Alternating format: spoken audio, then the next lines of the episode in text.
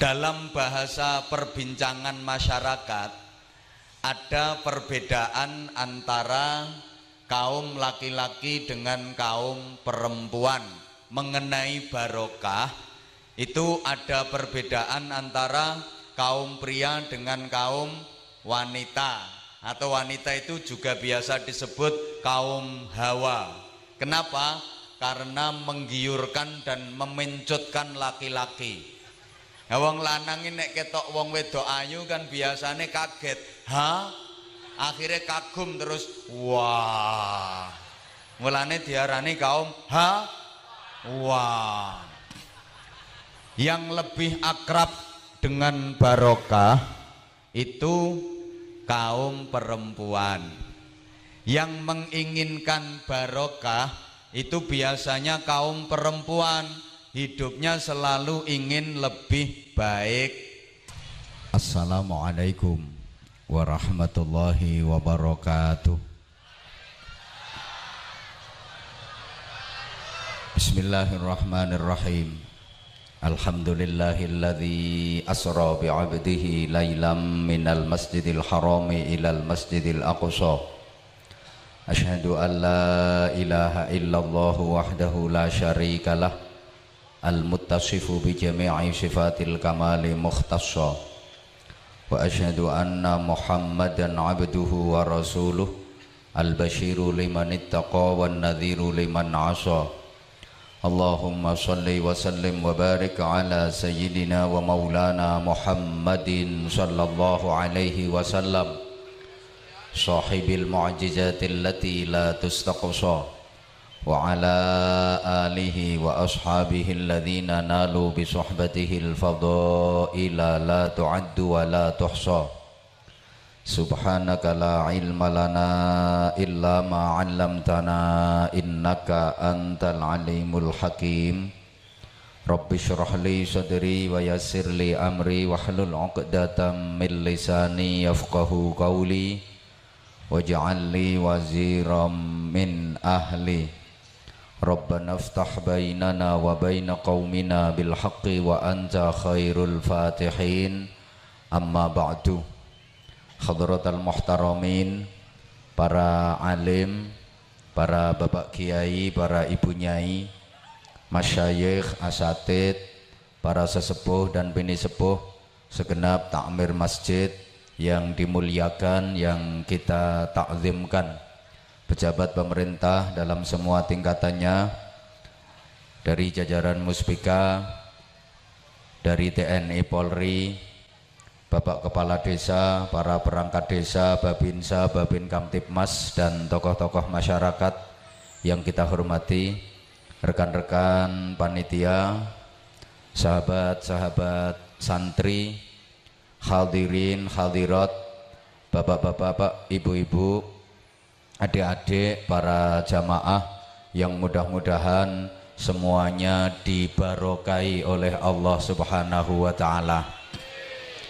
Terlebih kita sudah mulai menapaki bulan-bulan barokah. Dalam Islam kita kenal ada trilogi bulan barokah. Ada tiga bulan yang letaknya berurutan yang mempunyai nilai barokah yaitu bulan Rojab, bulan Sya'ban dan puncaknya bulan suci Ramadan. Lek jare wong kene ulan Rejab ulan Ruah kalih ulan poso itu tiga bulan barokah. Dinamakan bulan barokah karena setiap ibadah semua amal kebaikan yang dilakukan pada bulan-bulan tersebut pahalanya dilipat gandakan oleh Allah Subhanahu wa taala. sebagai orang Islam tentu kita sudah hafal dengan doa yang diajarkan oleh Rasulullah Shallallahu Alaihi Wasallam setiap memasuki bulan-bulan barokah tersebut. Para jamaah, alangkah baiknya kalau doa itu sama-sama kita ulang malam ini dengan harapan kita diberi kekuatan oleh Allah untuk memperbanyak doa yang langsung diajarkan Rasulullah. Ditirokno nggih? Ditirokno nggih? Bismillahirrahmanirrahim. Allahumma barik lana. Mesti sing guyui pikirane fi tanah. Fi rojaba wa sya'bana wa ballighna Ramadana Allahumma barik lana fi rajaba wa sya'bana wa ballighna ramadana itu artinya ya Allah berikanlah kepada kami keberkahan di bulan Rajab berikanlah kepada kami keberkahan di bulan Sya'ban dan sampaikanlah kami pada bulan suci Ramadan. Allahumma sholli ala Muhammad. Nah, Bapak Ibu para jamaah rahimakumullah, barokah itu biasa diartikan ziyadatul khair, bertambahnya kebaikan.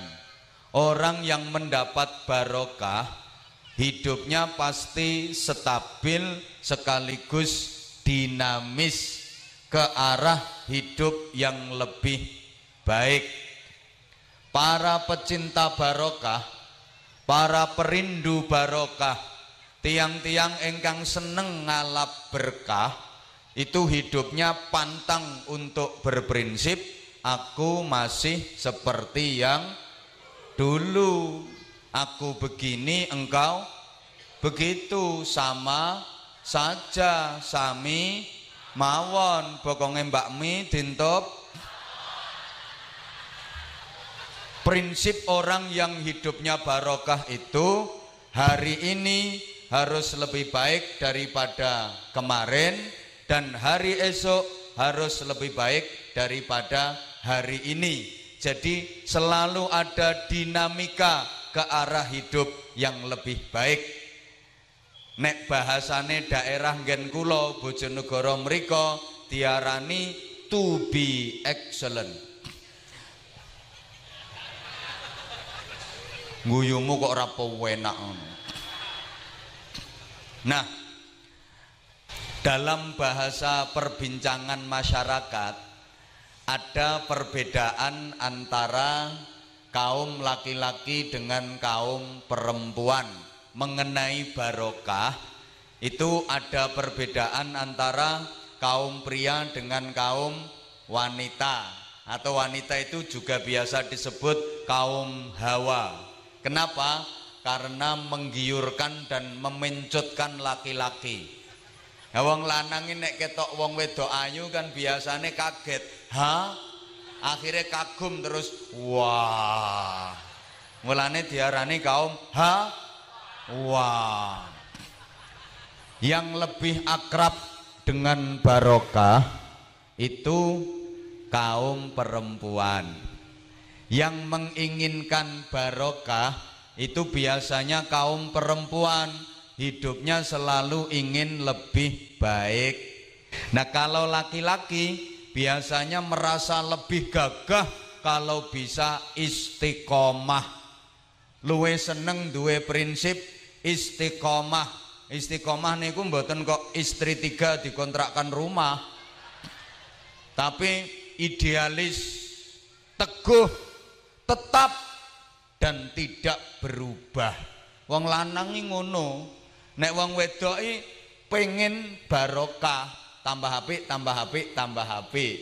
Contoh, wanita kalau usia masih di bawah 20 tahun, itu yang diinginkan adalah laki-laki tampan sing jemburis-jemburis ngene iki ra payu wong wedok nek umure sek di bawah 20 tahun yang diinginkan ya laki-laki tampan Mulane arek-arek wedok di bawah 20 tahun umurnya pasti yang diidolakan ya sing ganteng-ganteng niku. Kaya sapa jenenge Dilan, Aliando, artis-artis Korea. Minimal aku. Minimal. Karena memang perempuan usia di bawah 20 tahun yang diinginkan itu laki-laki tampan. Tapi nanti kalau usia sudah di atas 30 tahun, sudah nikah, punya anak, dituntut kebutuhan, keinginan perempuan sudah berubah lebih baik, tidak lagi menginginkan laki-laki tampan, tapi menginginkan laki-laki mapan. Nah, ini optimisme bagi yang tidak dikaruniai ketampanan. Jadi bisa mengejar ketinggalan. Memang kadang-kadang tampan itu kalah dengan mapan. Nah, wong lanang ganteng tapi raga blek duwe, ya kepiur. Kaya HP ya gak ono sinyale. Baterainya ngedrop, guyu ra iso ngomong ra cetha pancen ora ana sing kena dicethakno ngomonge ya Nah, wong lanang ora patek ganteng tapi mapan, ya padang jinglang. Ngomong cetha guyu iso bior ngono. Alhamdulillah sing jemburis iso guyu. Mohon maaf ya, nanti perempuan kalau usia sudah di atas 40 tahun, keinginannya berubah lagi, lebih baik lagi. Perempuan biasanya mulai memotivasi bahkan memprovokasi suami agar berprestasi. Karena perempuan kalau usia sudah di atas 40 tahun yang diinginkan adalah laki-laki yang punya jabatan dan kedudukan punya status sosial baik jabatan agama, jabatan formal maupun jabatan informal. Wong wedok umurnya di atas 40 tahun ki bangga kalau suaminya jadi ustadz, jadi tukang khutbah, jadi tokoh masyarakat, jadi pejabat, jadi wakil rakyat, minimal suaminya jadi kepala daerah tingkat tujuh ketua RT.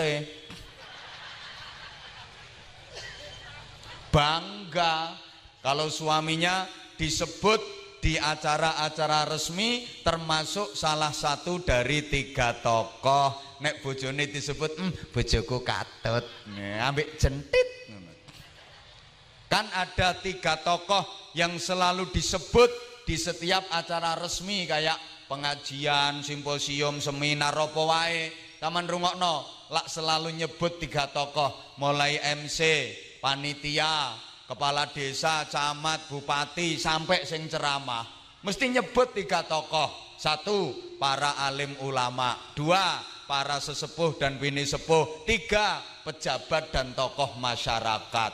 Biasanya lak ngoten toh, para alim, para ulama, ingkang rinten dalu tansah sumanding pustaka suci wahyuning ilahi ingkang dados kiblating panembah. Para sesepuh lan bini sepuh ingkang puno ing pamawas tur lebda ing pitutur ingkang tansah kinurmatan. Para pangembat pangembating praja satriyaning nagari ingkang dados songsong agunging kawula dasih. Paham napa mboten? Blas padahal niki basa Jawa lho Kayak panjenengan ki wong Jawa kok ora ngerti Jawa, berarti wong kene iki wis akeh sing berubah dadi gibas. Wong Jawa niku ada basa namine krama inggil. Iku simbol unggah-ungguh etika tata krama sopan santun. Ngomong sopan nih nganggo krama inggil.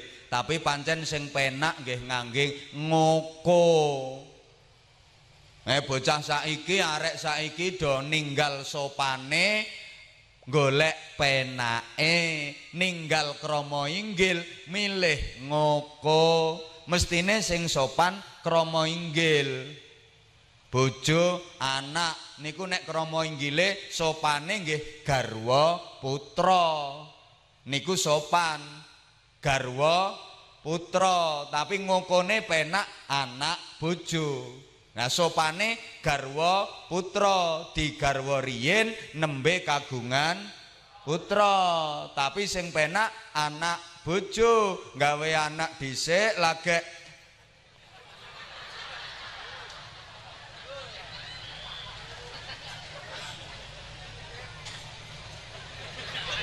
Jadi perempuan kalau usia di atas 40 tahun harapannya sudah berubah ingin laki-laki yang punya jabatan dan kedudukan. Lah nanti kalau usia sudah di atas 50 tahun harapan perempuan sudah berubah lagi lebih baik lagi. Menginginkan laki-laki yang punya kesetiaan. Karena mohon maaf perempuan kalau usia sudah di atas 50 tahun secara biologis sudah mengalami penurunan fisik kekuatannya sudah berkurang onderdil mulai ngelokro baut-baut podo kendo pipine wis mengkeret melakune wis mulai seyek-seyek dodone karek tengeretok ngelembreh. Nah, senajan tinggoni BH yang paling larang ya tetep brosot biasanya mulai khawatir ditinggalkan. Jangan-jangan suaminya cari lagi jangan-jangan minta nambah minta ganti macem-macem. Maka yang diinginkan adalah laki-laki yang punya kesetiaan. Soalnya nek wis umur saya tahun ngapunten bu biasane sing lanang sek mantuk-mantuk sing wedok wis gobek-gobek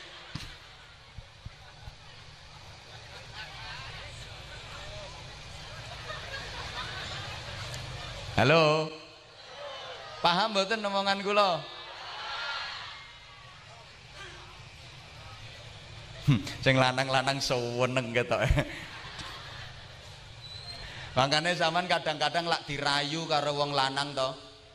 Woi. Kekayaan dan penampilan itu bukan yang hal yang utama. Yang utama adalah tanggung jawab dan kesetiaan. Epret.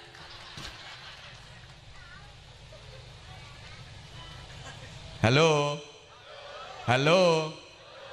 Nanti kalau sudah umur di atas 60 tahun, harapan perempuan sudah berubah lagi, lebih baik lagi. Yang diinginkan adalah laki-laki yang punya kesolehan dan ketakwaan. Jadi lek tangi bengi ora mek nguyuh tok. Sing lanang wis disemangati, dijak tahajud, sholat malam, paginya diajak jamaah subuh, dijak sering nekani pengajian, persiapan akhirat. Soalnya wong wedok umur semono wis mulai krasa kate rondo.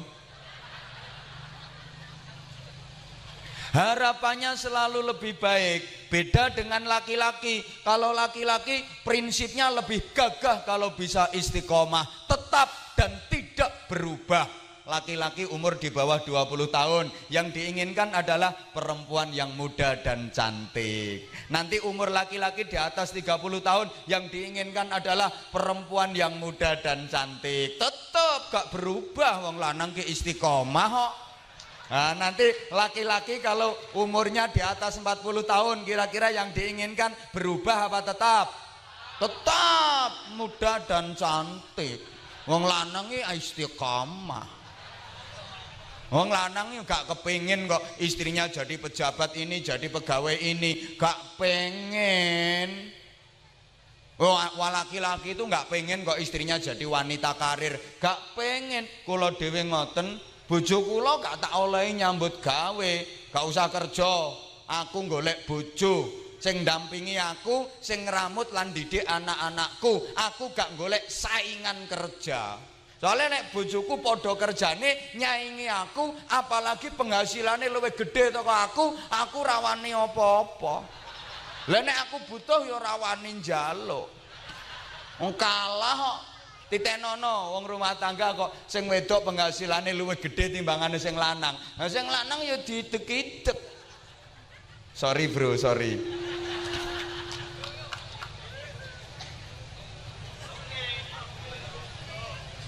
Nanti laki-laki usia di atas 50 tahun kira-kira harapannya berubah apa tetap? Di atas 60 tahun berubah apa tetap?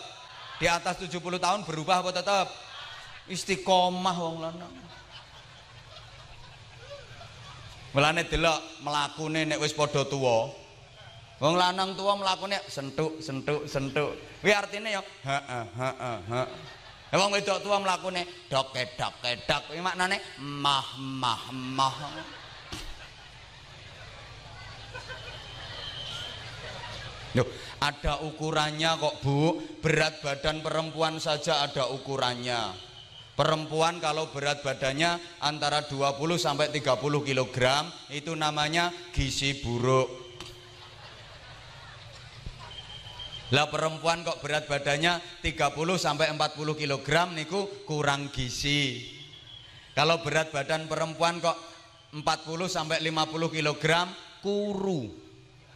50 sampai 60 kg ideal. Berat badan perempuan 60 sampai 70 kg lemu.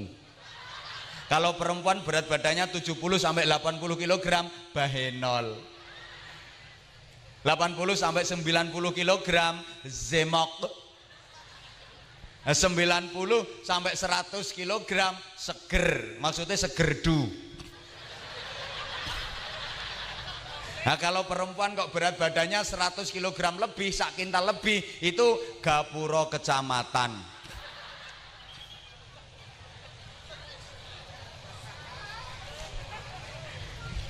Nah, Rojab ini bulan barokah.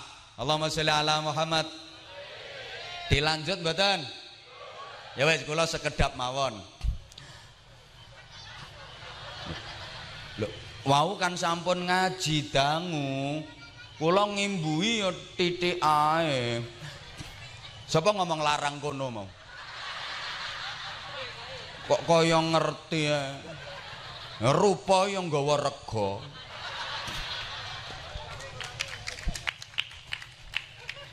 Oh, padha-padha kelambi lho. Modele padha jenis kaine beda regane ya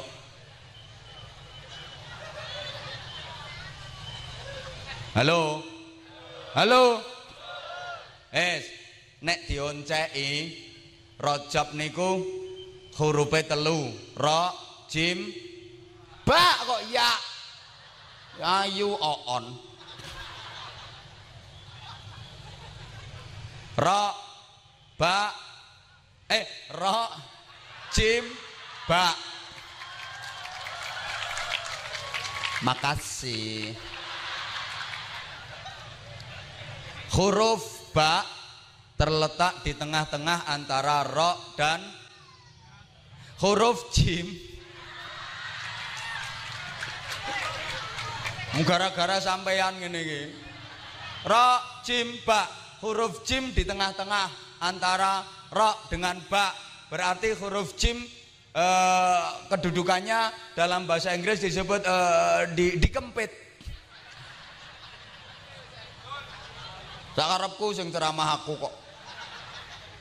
Ra artine rahmatullah. Kasih sayange Gusti. Jim jurmul ibad. Dosa-dosane kawula, elek-eleke menungso. Ba artine birrullah. Kebagusane Gusti. Nah, jurmul ibad.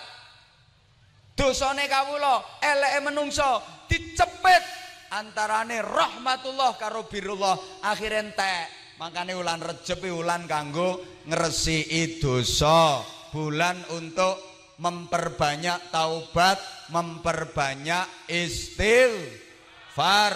Apalagi yang sudah tua, mohon maaf, sudah berumur, usia sudah udur, uban di kepala mulai bertabur. Ayo to nyaut nek ur-ur kabeh.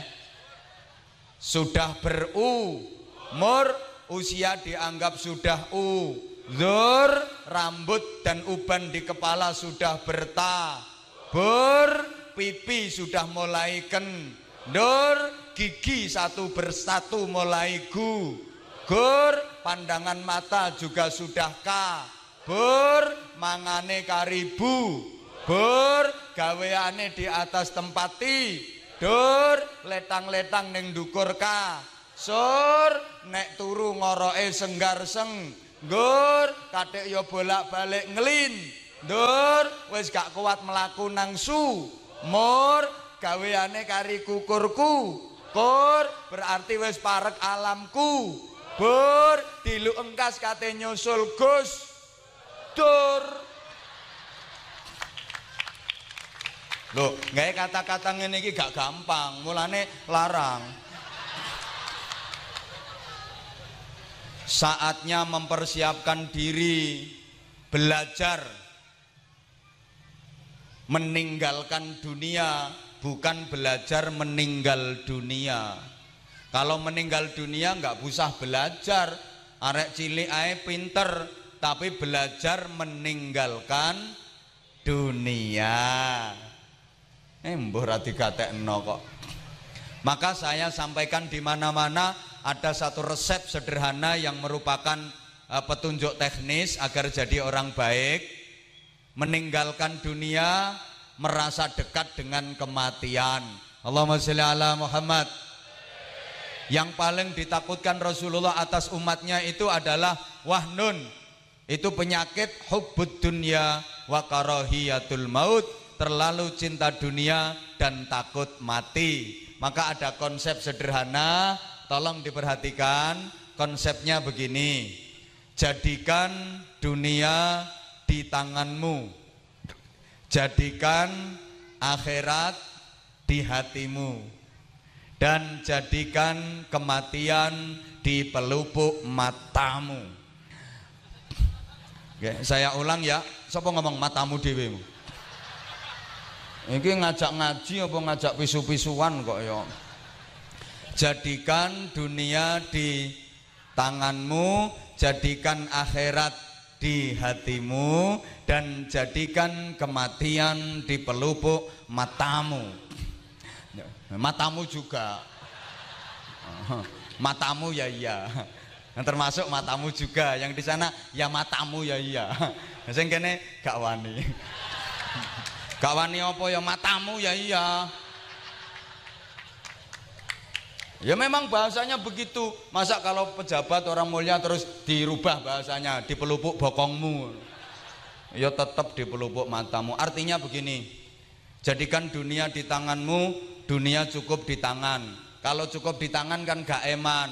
Dicekel terus gak muat, digenggam terus gak kamot. Karena hanya di tangan. Begitu terima, kasihkan lagi. Begitu dapat, bagikan lagi. Begitu oleh dumno meneh. Cuma no tangan cekeli terus rakamot gegem terus ra cukup. Kalau dunia ditaruh di hati muat. Kan hati manusia ini luas. Hati manusia ini sungguh luas. Hati manusia ini lebih luas daripada samudra. Bahkan lebih luas daripada jagat raya semesta. Lapo? Salah melorok kabeh.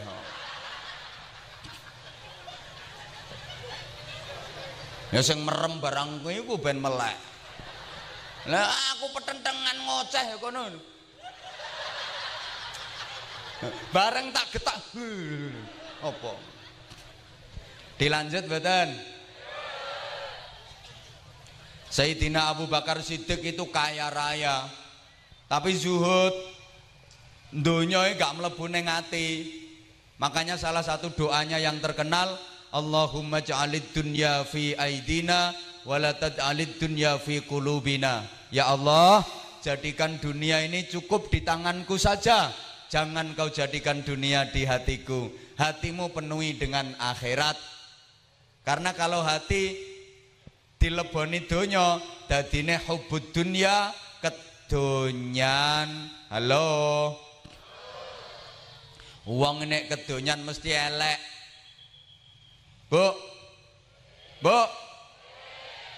Hubbud dunya ra'su kulli khati'atin terlalu cinta dunia itu adalah pangkal dari semua kejahatan. Uripe mesti gelisah. Jenengan nate susah napa mboten? Eh mbah ra tok jenengan nate susah mboten? Nate bingung mboten? Nate sumpek mboten? Mesti ku urusan donya. Nate gegeran napa mboten? Kalih sinten? Mesti ku urusan donya. Suami istri harusnya saling setia memadu kasih saling cinta untuk membina keluarga yang sakinah mawaddah rahmah barokah bahagia dunia akhirat betul tapi wonten mboten suami istri yang senengane gegeran. Mesti perkara donya. Kula dereng nate krungu kok ana lanang wedok sak bojone geger perkara salat tahajud. Sing akeh ya perkara duit. Istri merasa suami ngasih uang belanja kurang. Suami ngerasa kerja dapat duit udah dikasih ke istri semua. Akhirnya gak sinkron gegeran padahal sing lanang iki lho lek kerja oleh duit akeh kabeh dikekno sing wedok sampai kate tuku rokok ngemis-ngemis njaluk sing wedok wonten mboten wong lanang ngoten niku lah iku jenenge wong lanang gop. Lah wong dekne sing kerja polahe ndak karuan gelek duit. Bareng wis oleh duit tok dikekno kabeh sing wedok. Kate tuku rokoke ngemis-ngemis. Wong lanang goblok kaya gak ngerti. Duit iku lek wis kadung masuk nduk nggone bendahara umum. Metune krungu blok iso metu ya kudu ngajokno proposal dhisik Wong lanang cerdas sih nek oleh duit ya gak dikekno kabeh nang sing wedok, sebagian disimpen. Sak wayah-wayah ana keperluan pribadi darurat gak usah njaluk bendahara umum. Mangkane kopiahmu sing irengi didesain ana selempitane manfaatno iku diisi mumet lumayan wisan cuma yo hati-hati yo mari iki jelas akeh operasi kopiah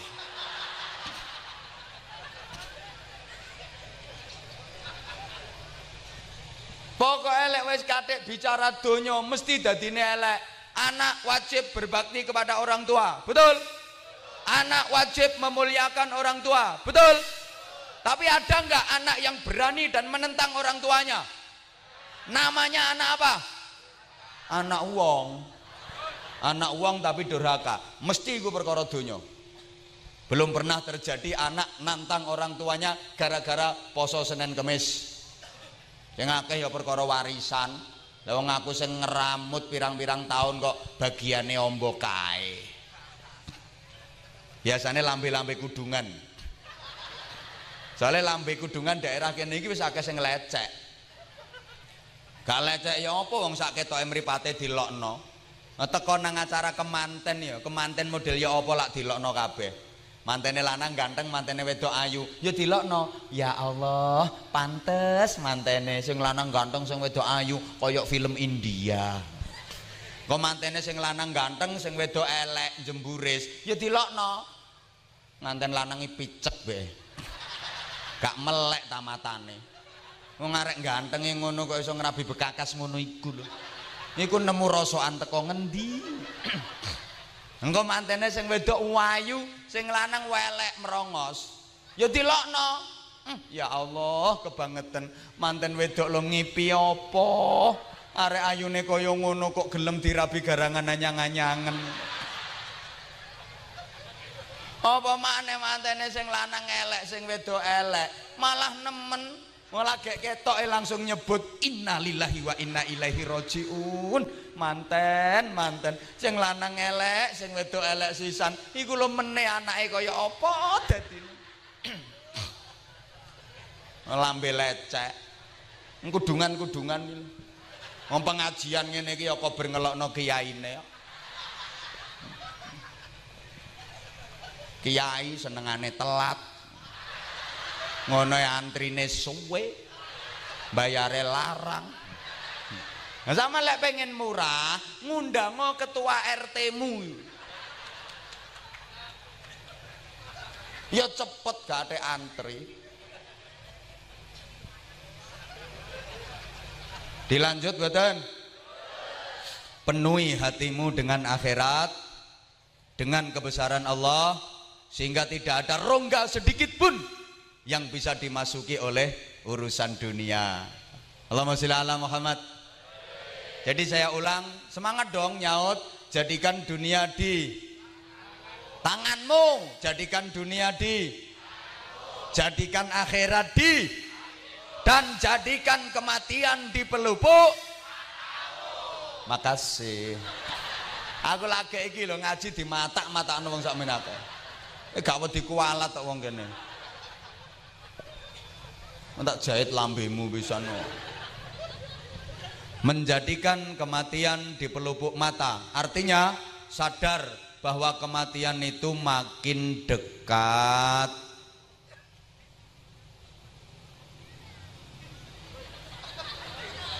Detik demi detik, langkah demi langkah, kita makin dekat kepada kematian.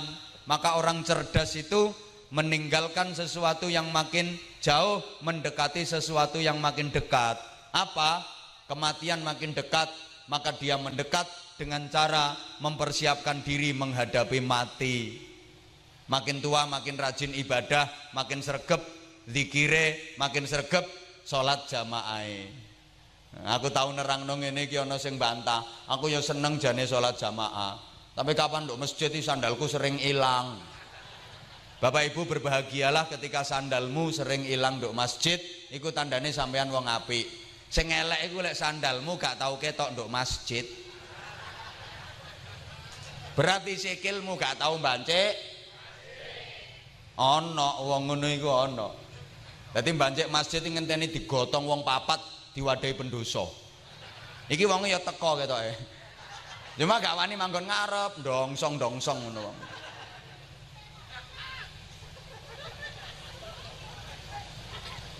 kadang-kadang kita itu udah diingatkan sama Allah kalau makin dekat dengan kematian. Wa man fil khalq. Surat Yasin. Apal to nggih? Wong Islam wajib apal surat Yasin. Mergo Yasin niku qalbul Quran, atine Al-Qur'an. Wong Islam gak apal surat Yasin iki padha karo ana wong gak ana atine. Carane ya diwaca bendina wajib. Nek sampeyan nek maca Quran bendina sak juz sak juz sak juz prasaku. Ora ana potongane. Soale wong nek bendina maca Quran sak juz sak juz iki wajahe mencorong. Lha wajahmu mencureng kok. Setidaknya Yasin wajib dibaca tiap hari. Kapan? Sak longgare sampean, sak isoe sampean. Isoe mari subuh, waca mari subuh. Kak isa mari subuh wayahe masak. Ya umbah-umbah korah-korah, ngresiki omah, ngramut bocah-bocah kadang sik nang sawah. Kak isa lek mari subuh gak iso mari duhur mari duhur wayahe ngentas pemean gorong nyeteli koe engko lek ana sing bedah ya ndondomi ana kancinge sing copot ya benakno kadang yang nyambangi wong lara gak isa lek mari duhur gak iso mari asar mari asar wayahe ngejangan Ke kadang yang ngeterno anak ngaji nang TPK, engko persiapan goreng tempe gemangan sore, gak isa. Eh mari asar gak iso, mari maghrib. Mari maghrib isi netrone api-api.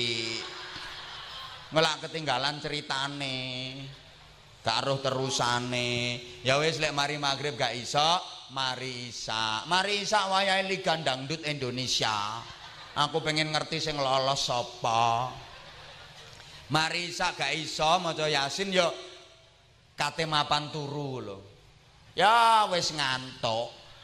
Lah nek iku gak iso pisan, ya sampean gak atik maca Yasin, sampean nang sembujunga terus diyasini.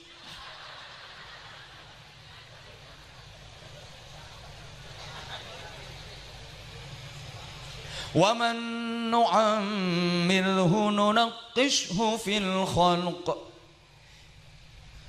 Ditambah umure dikurangi kekuatane Fungsi-fungsi dari onderdil-onderdil tubuh sudah mulai dicabut sama Allah.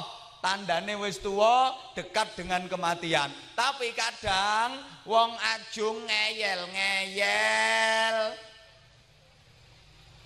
Udah dikasih peringatan, rambut dulu hitam berubah jadi putih. Itu artinya kan meninggalkan dunia hitam.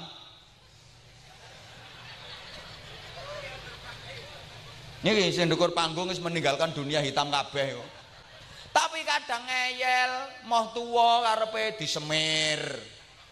Rumangsane nek ketok ireng terus enom melih. Ya gak iso, Bro. Tuwek ya tuwek. Untu merotoli sing disalahno ya bakul sate. Aku mangan sate nduk kono untuku protol, satene alot. Duduk satene sing alot, untumu sing wis kropos, berarti wis tuwa. Mulane aja ngeyel, wedok-wedok saiki ngeyel-ngeyel. Usum saiki wong wedok, untu dipageri kawat. Sing kate nyolong untumu sing merongos ya sapa?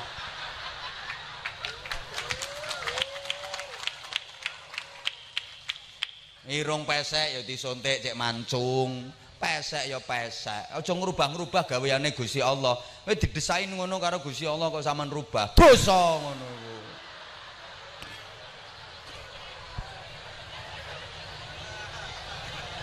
pesek ya pesek aku lah pesek sih tapi kan manis ya malah tak syukuri alhamdulillah pesek ambekane irit gak boros-boros awet sing bangir-bangir mancung-mancung iku boros bolongane ombo dadi ngongsro cepet kentekan enake maneh pesek iku lek digawe ngambung Dadi irunge tutuk, lambene melu bareng plek. Karing nglamuti tok. Sing mancung iku ya gayoh-gayoh. Disyukuri. Ora aneh-aneh.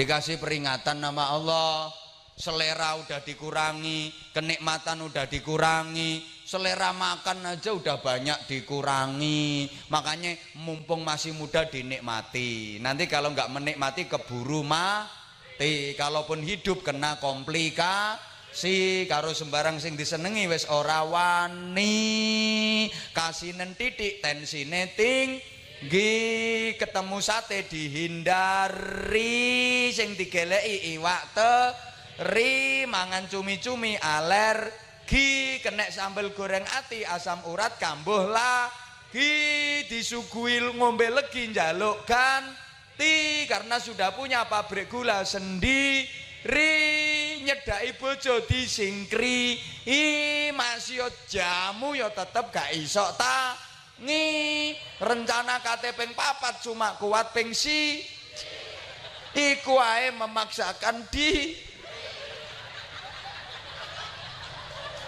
ngene iki ya gak gampang mulane Lah nek dijak prasmanan wis mulai seleksi. Lesen nom kuat sehat ya jak prasmanan ya koleksi.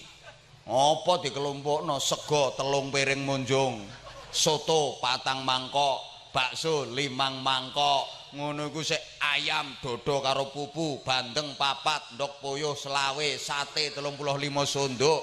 Buah kabeh diratani sing nanas sing pisang sing semongko anggur salak blembing. Uh koleksi. Coba lek wis ngrik-ngriken.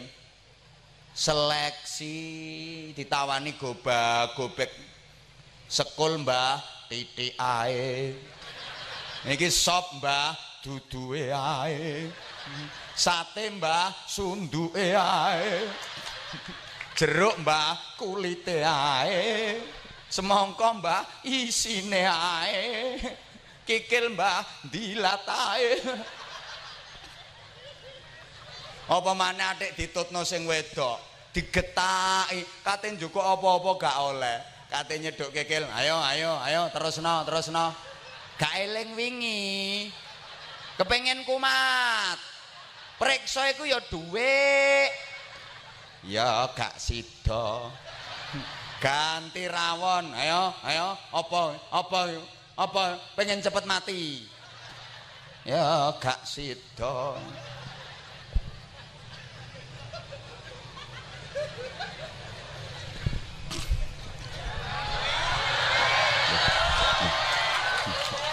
Aku ngerti karepe ya njaluk terus. Tapi tolong sing gak melu urun gak usah cerewet.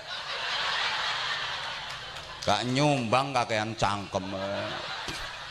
Mau kan wis suwe ngajine.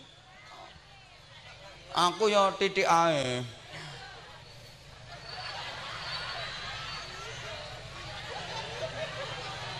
Lah udah dikasih peringatan berarti saatnya mempersiapkan diri. Lah. Maka di bulan Rojab ini kita diingatkan.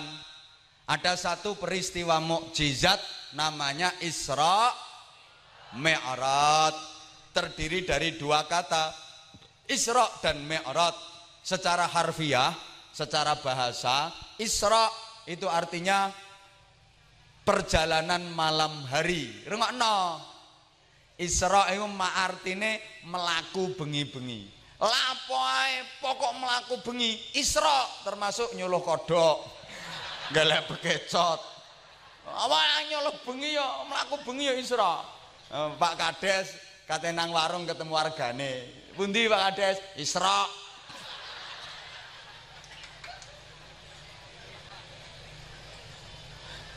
Secara istilah perjalanan Rasulullah ya tepatnya diperjalankan oleh Allah dari Masjidil Haram yang di Makkah ke Masjidil Aqsa yang di Palestina, Baitul Maqdis di Yerusalem yang sekarang lagi ramai itu. Ini berarti perjalanan darat, perjalanan menyamping, arahnya horizontal.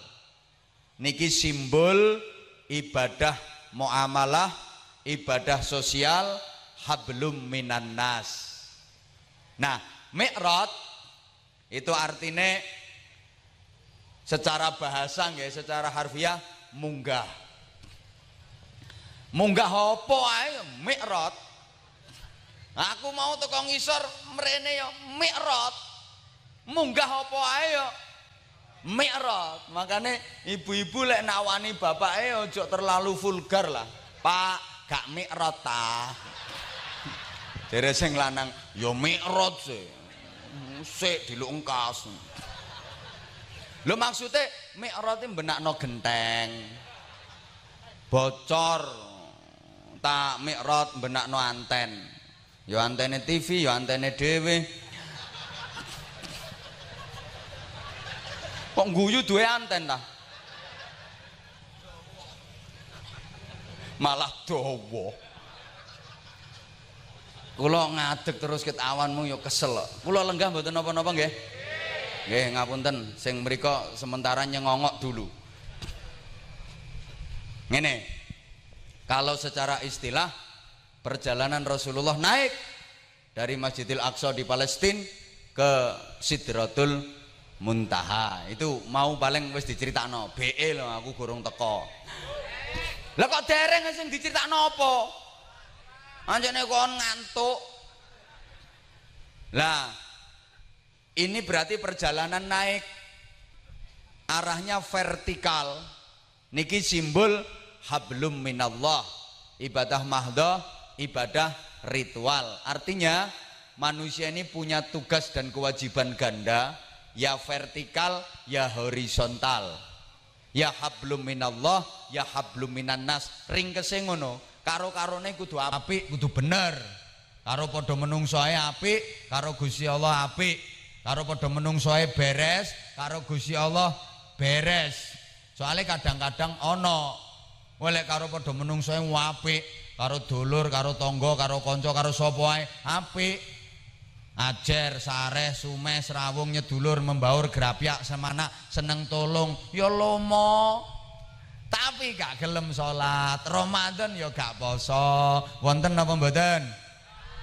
Wong di sapa ngomong Bojonegoro? Ayo balenono maneh. Bojonegoro atau sebaliknya oh nang Gusti Allah wapi salat iki gak mek fardhu tok sunah dilakoni kabeh ya rawate apa beli dia ya duha ya tahajud ya hajat ya witir uh poso Daud sedina poso sedina gak dina poso sedina gak wiridan terus top pokoke Tapi nang dulur gak rukun gara-gara warisan. Wonten mboten? Wong di Makasih. Karo tonggo ya jotak gak rukun gara-gara buuan nih becek baliknya gak imbang. Buwuh 200 dibalekno 50 ngamuk-ngamuk. Wonten apa mboten? Wong di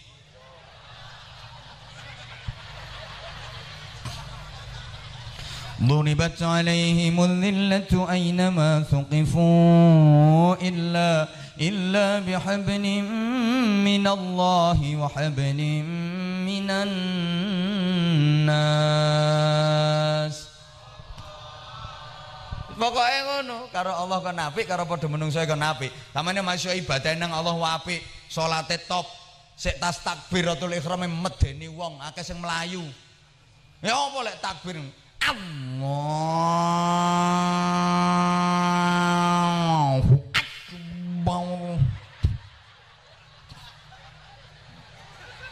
Macane ya fasih. Auzubillahi minasyaitonir. Bismillahirrahmanirrahim. Alhamdulillahirabbil alamin. Wahid Iyyaka na'budu wa iyyaka nasta'in. Ihdinas mustaqim. Wala wala Digawe maca untu ilat sak intil-intile perotol kabeh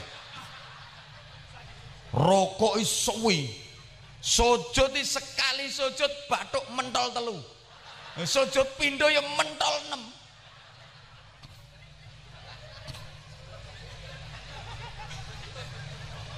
poso bendino wiridan ya angger ketemu tasbih candak cek puter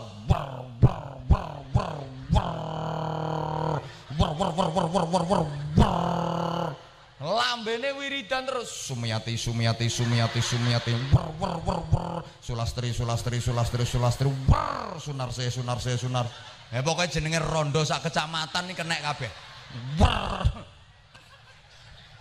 maca Quran turut dalan sak ratan-ratan poso bendino berangkat haji tiap tahun top. Berangkat umroh seminggu ping limo iso omahe Mekah kok.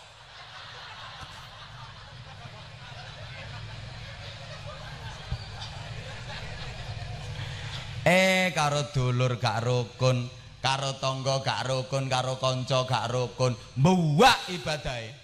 Apa maneh sing rapatek kulino ibadah kaya rupamu?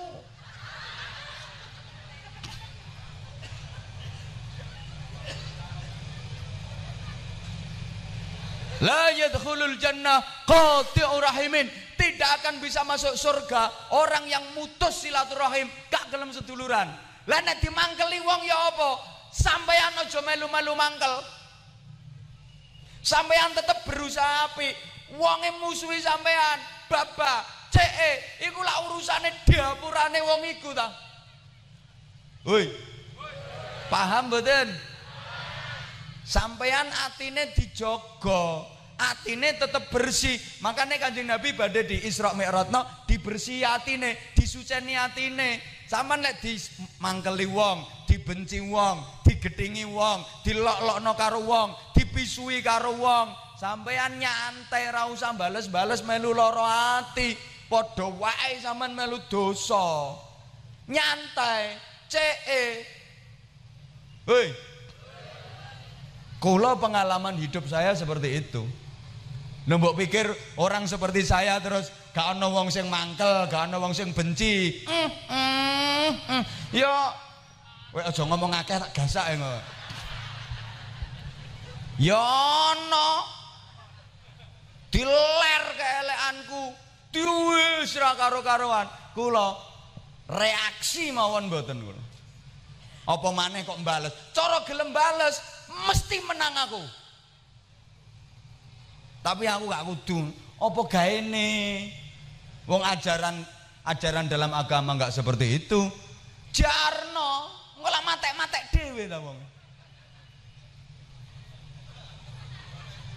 Halo.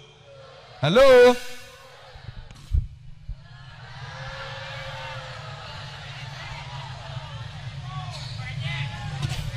Siapa ngomong kemenyek? Makasih. Ayo hikmah berikutnya ini. Perjalanan itu kan di antaranya dari masjid ke masjid. Minal masjidil haram ilal masjidil aqsa. Ini menunjukkan betapa pentingnya masjid sentral agama Islam adalah masjid. Dilanjut betul.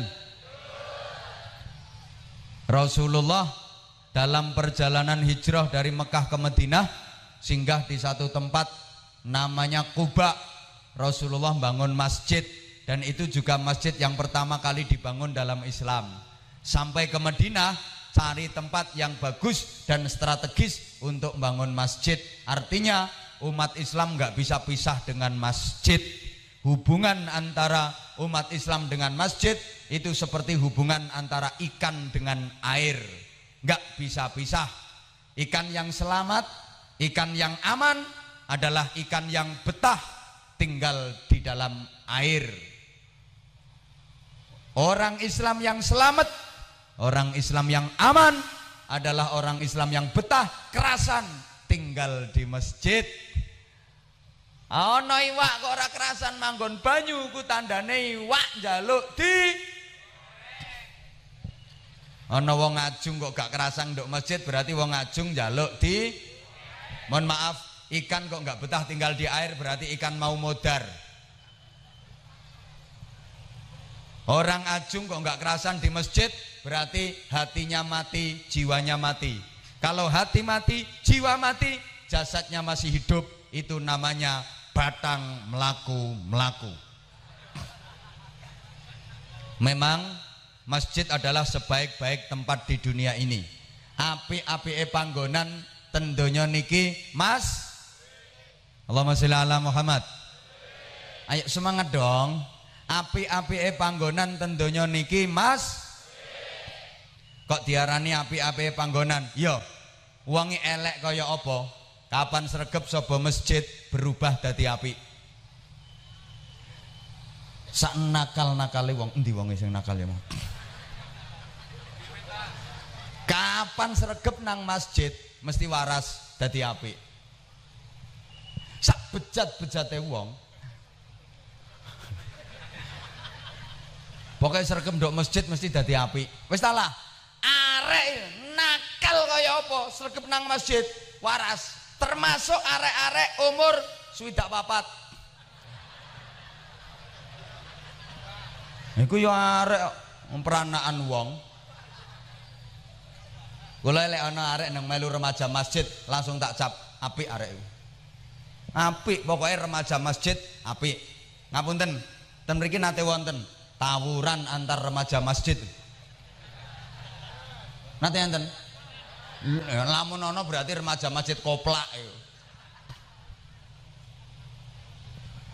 eh mbuh ra digatekno aku kowe ta lah lapo se arek kok senengane mendem? Eh eh ancene gak gelem sapa Nah coba nang masjid lak waras. Ayo kon, wani mendem nduk ngisore beduk ya jerati beduk ndasmu ambek takmir. Wong senengane judi ae. Tak gelem sapa masjid? Betalah masjid itu sebaik-baik tempat. Makanya ibu bojomu nek sek nakal gak perlu dicelatu. Percuma. Wong lanang dablek wong lanang nakal dicelatu. Malah ndadi gak kira waras. Ngono iku kelakuane wong lanang. Makanya aku gak tahu tertarik ambek wong lanang Wong lanang dicelatu e. Malah goblok, malah dadi. Saman wajib percaya tak omongi. Soalnya aku dadi wong lanang wis suwe. Pengen waras bojomu, Bu. Candak tangane cek seret tenang masjid, cancangen nduk cagake masjid. Gak sholat ya wis, cancangen nduk kono. Engko kapan ana azan, wong-wong teko kate jamaah, bojomu lak ungket ungket ungket ungket ungket. Jaluk diuculi. Uculono. Kate langsung mulai yo isin. Akhirnya wudhu lo melu sholat. Mari sholat cancang mana sampai waras. Maka jangan tinggalkan mas. Ayo dong jangan tinggalkan mas. Terutama di waktu subuh. Kenapa? Karena subuh itu awal dari hari yang akan kita jalani. Kalau mengawali hari dari masjid yang merupakan pusat keberkahan, maka langkah-langkah hidup kita berikutnya pasti penuh keberkahan. Amin. Allahumma. Alasan kedua, kalau sholat subuh itu kan sholat yang paling berat dari sholat fardu lima, betul? Eh, mbora semangat tok jenengan. Dilanjut betul? Sholat fardu lima itu yang paling berat subuh. Ngono kadang ya ora dilakoni kabeh. Ada orang yang sholat fardu harusnya sehari lima kali dijadikan lima hari sekali. Jadi niatnya ya usolli fardhu subhi wal duhri wal asri wal maghribi wal isya'i oplosan lillahi ta'ala.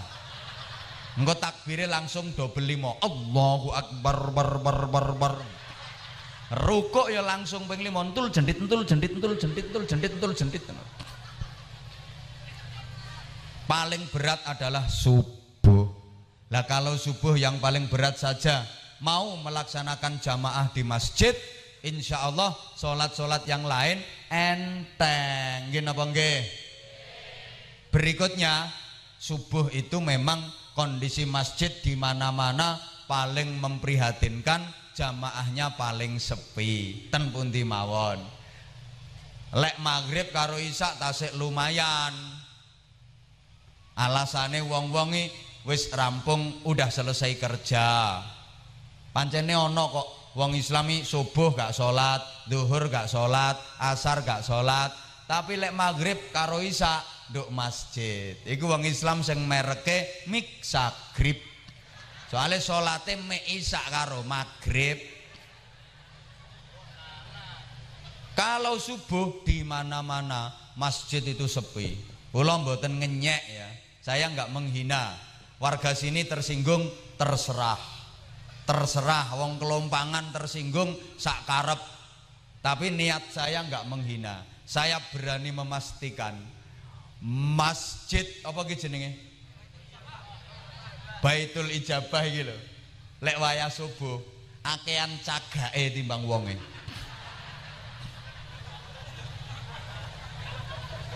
Mangkel ya wis.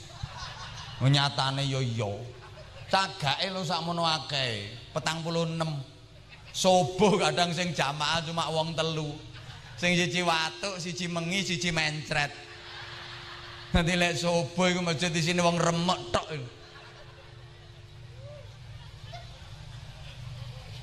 Padahal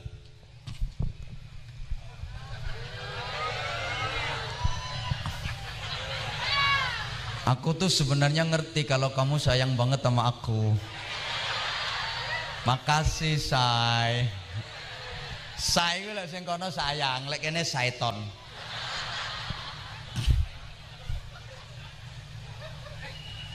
Umpama yo Wong iku ngerti fadilai sholat subuh berjamaah.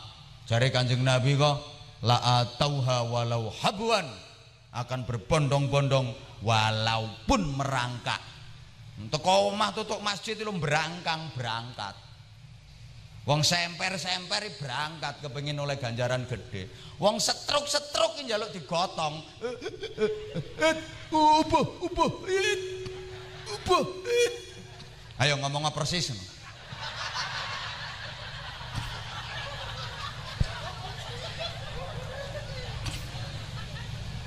Makanya saya ulang dulu keterangan ini Adzan subuh itu beda dengan adzan-adzan yang lain. Ada kalimat khusus namanya As-sholatu khairum minan.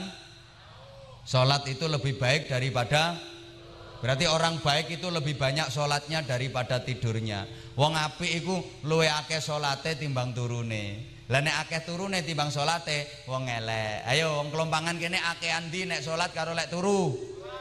Nah berarti wong kelompangan ini termasuk wong apik atau wong elek. Makanya cara mengumandangkan azan subuh waktu as-sholatu khairum minan naum itu kan bisa diambil ilmunya. Coba tanya yang sudah pernah haji umroh karena as panjang, naum pendek. Itu artinya kan salate dawa turune ndek.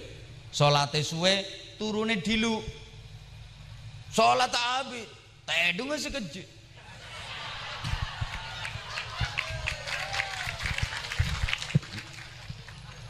Kentok banyak orang Madura.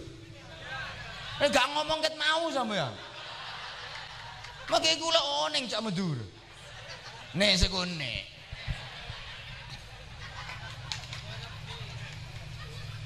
Kan gitu bacaannya. As-sholah lanjeng. Naum Nah iya pendek. Kan gitu.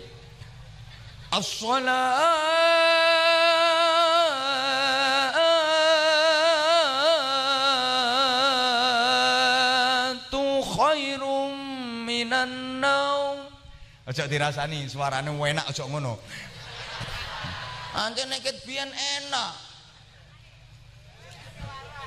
Lah gak enak ya gak laris, Bro. Sholat panjang naum pendek. Lah itu artinya lah ngene aja lek cara Jawa. Sholat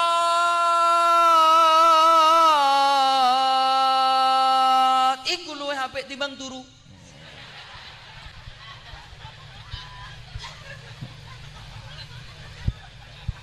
Lah wong ajung gak gitu kok. Malah eh boleh. Saya lanjung naum.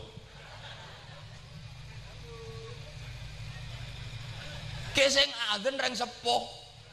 Lah bau kuburan. Khairun minan naum.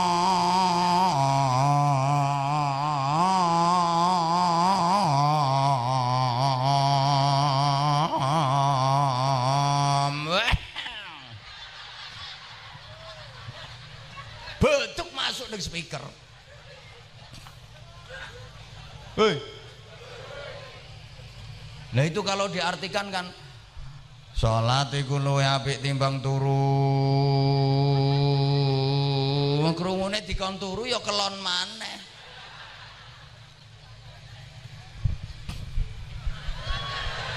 Kol 12 Berarti minta tambahan bekto. Gimana pirang kerja nyamanya lembur. Hitungane dhewe nek lembur.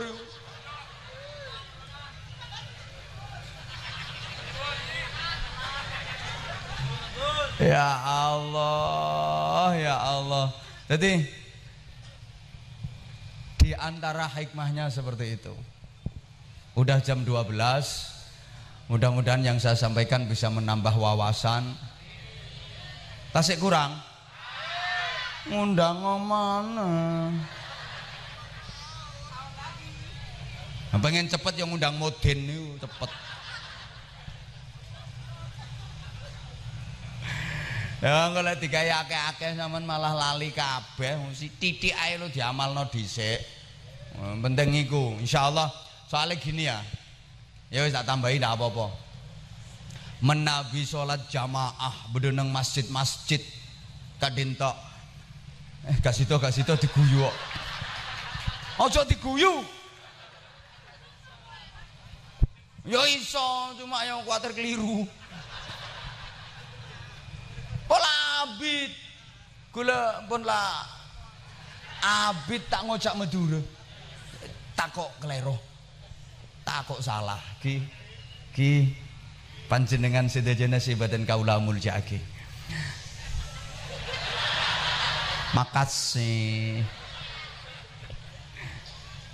Kalau di masjid-masjid musola-musola itu sholat jamaahnya rame, Ya lain kali kalau mau ngundang bilang dong kalau masyarakat sini banyak uh, etnis Maduranya, banyak saudara-saudara tantretan saya telok lemak sih dari Madura banyak. Kita campuri aku pakai cak Madura nih sekone. Gak ngomong gitu mau. Telat. Wes telat pokoknya. Daerah itu pasti makmur kalau sholat jamaahnya rame di mana-mana. Jadi kalau ada persoalan itu mudah cair. Kenapa? Nah, tiap hari ketemu lima kali di masjid, gampang musyawarah, gampang rundingannya. Tapi daerah mana pun, desa mana pun, sholat jamaah di masjid kok sepi, ah, nggak mungkin barokah, mudah ribut, mudah bertengkar. Kenapa? Nggak pernah ketemu. Bukankah sholat jamaah itu juga mengajarkan kerukunan ya itu base politeknik politeknik negeri Jember okay. Warnanya biru. Gerang Madura lo gaduan warna hijau biru kabeh. Madura gak duwe hijau tadi kacang hijau ya kacang biru.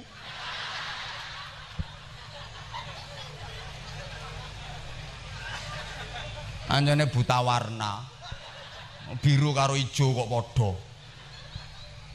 ya sorry bahasanya kadang ya aneh-aneh. Emang dulu waktu uh, penentuan bahasa itu delegasi yang diutus orang Madura itu orangnya agak bindeng. Dibilangin kok disepakati ini namanya apa? Air. Orang Madura orang bindeng aing.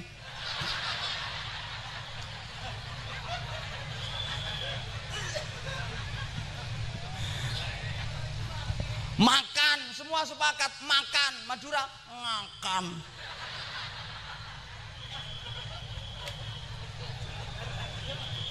Madura. Orang Madura itu kan nggak punya za nggak punya huruf z. Ini ya saini. Ahmadnya dari asmat.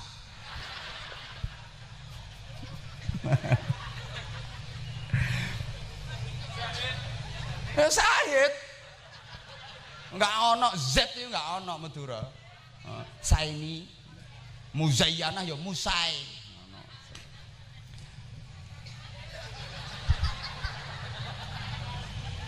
Oh semua sepakat ini minum ya ngenom. Tidur tedung. Diomongi kok ngeyel.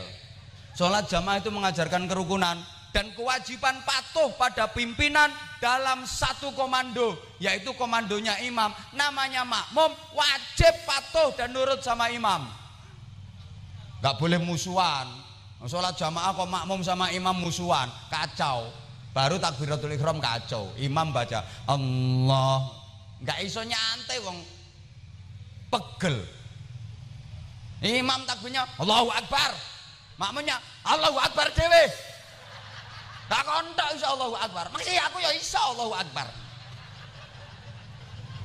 Kacau nanti. Nanti ngimami. Bismillahirrahmanirrahim. Alhamdulillahirabbil alamin. Sampai terakhir wala dalin. Jadi mau me. Amin. Pokoknya namanya makmum wajib tunduk sama imam. Masyarakat wajib tunduk sama pimpinan selama imamnya benar, selama pimpinannya benar. Kalau imam salah, keliru, ditegur dengan cara yang halus dan baik. Berarti kalau pemimpin salah, pemimpin keliru, tegur, ingatkan dengan cara yang halus, dengan cara yang baik. Namanya makmum kalau nggak mau nurut sama imam, batal sholatnya nggak sah. Maka ini juga pelajaran kewajiban patuh pada satu komando yaitu imam. Imam berdiri niat sambil mengangkat kedua tangan baca takbiratul ihram Allahu akbar kalau di Mekah itu pakai mubalik jadi ketika imam Allahu akbar Allahu akbar makmum semua juga ngikutin berdiri baca takbir Allahu akbar Gak ada makmum sing ngeyel. Oh kabeh Allahu Akbar. Aku tak tampil beda. Allahul Karim. Batal salate. Enggak manut imam, enggak patuh pada pimpinan. Ketika imam ruku, Allahu Akbar. Allahu Akbar. Ribuan makmum gemeruduk semua merkungkung. Enggak ada makmum sing ngeyel kabeh-kabeh merkungkung aku ruko seje kayang ae bro itu namanya makmum sing makar menentang pimpinan batal salate. Ngono ketika imam sujud Allahu akbar Allahu akbar geruduk nyosop kabeh. Gak ana sing aku lemu tak gelondong ae sujude ndak. Nah, ketika imam keliru, lupa, salah, misalnya sholat isya, harusnya kan empat rakaat. Nek bahasa Madura empat ya empak-empak. Mbak-empak, empuk-empuk. Mbok-mbok, mbak-empak, empuk-empuk, empi-empi. Ki mesti nampak-empak rokaat. Ki oleh telok rokaat. Imam lengki. Tujuh.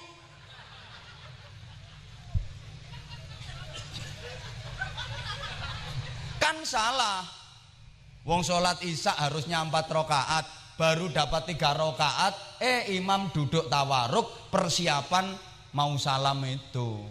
Nah, makmum harus mengingatkan dengan cara yang halus dan baik, pakai zikir. Subhanallah. Loh, bahkan kalau makmum perempuan cukup dengan tepuk tangan, plok, tapi nggak kayak tepuk pramuka, plok plok plok plok plok plok plok plok plok plok plok plok plok. Manuk. Yo bener imame yo duwe manuk yoan.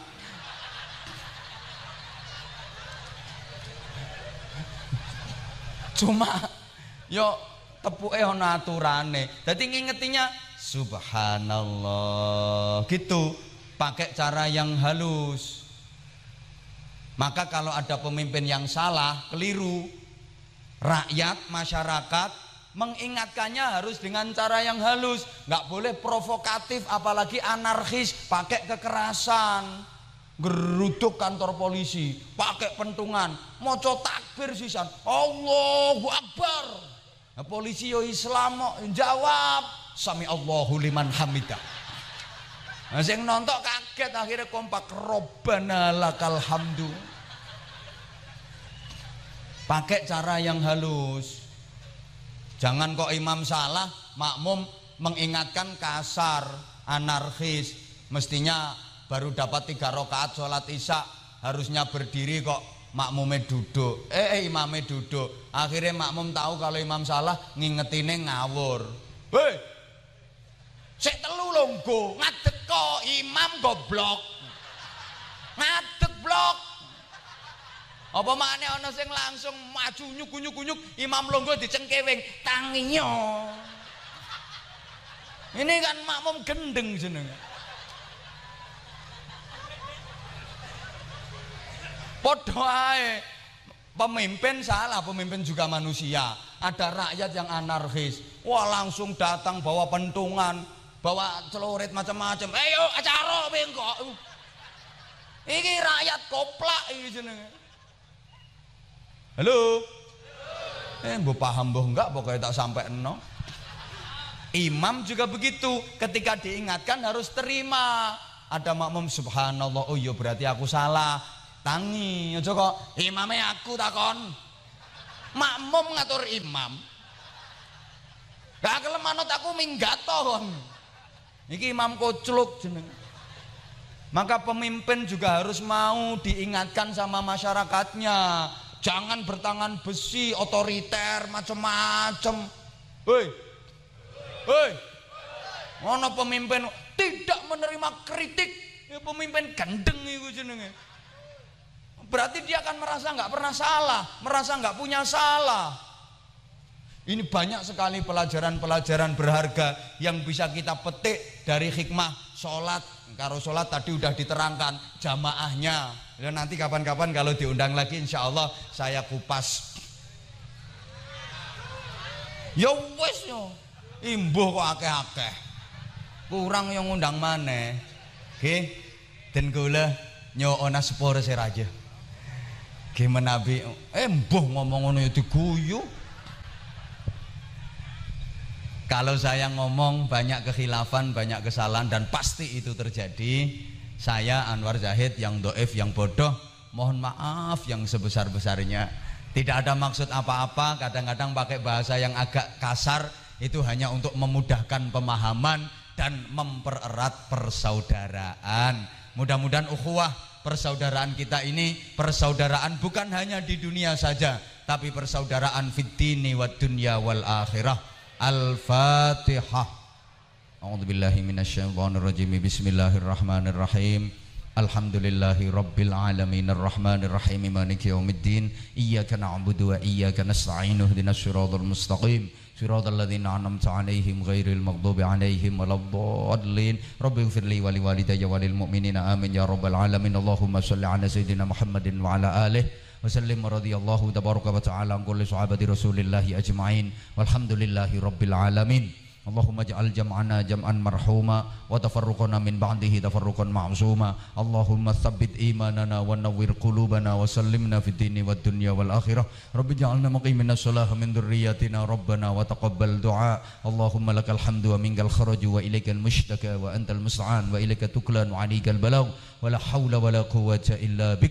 اللهم إنا نسألك الخير كله ونعوذ بك من الشر كله يا من بيده الخير كله ربنا آتنا في الدنيا حسنة وفي الآخرة حسنة وقنا عذاب النار وقنا عذاب النار وقنا عذاب النار وأدخلنا الجنة مع الأبرار برحمتك وفضلك يا عزيز يا غفار يا حليم يا ستار يا رب العالمين جزا الله عنا سيدنا محمدا صلى الله عليه وسلم ما هو أهله بفضل سبحان ربك رب العزة عما يصفون وسلام على المرسلين والحمد لله رب العالمين.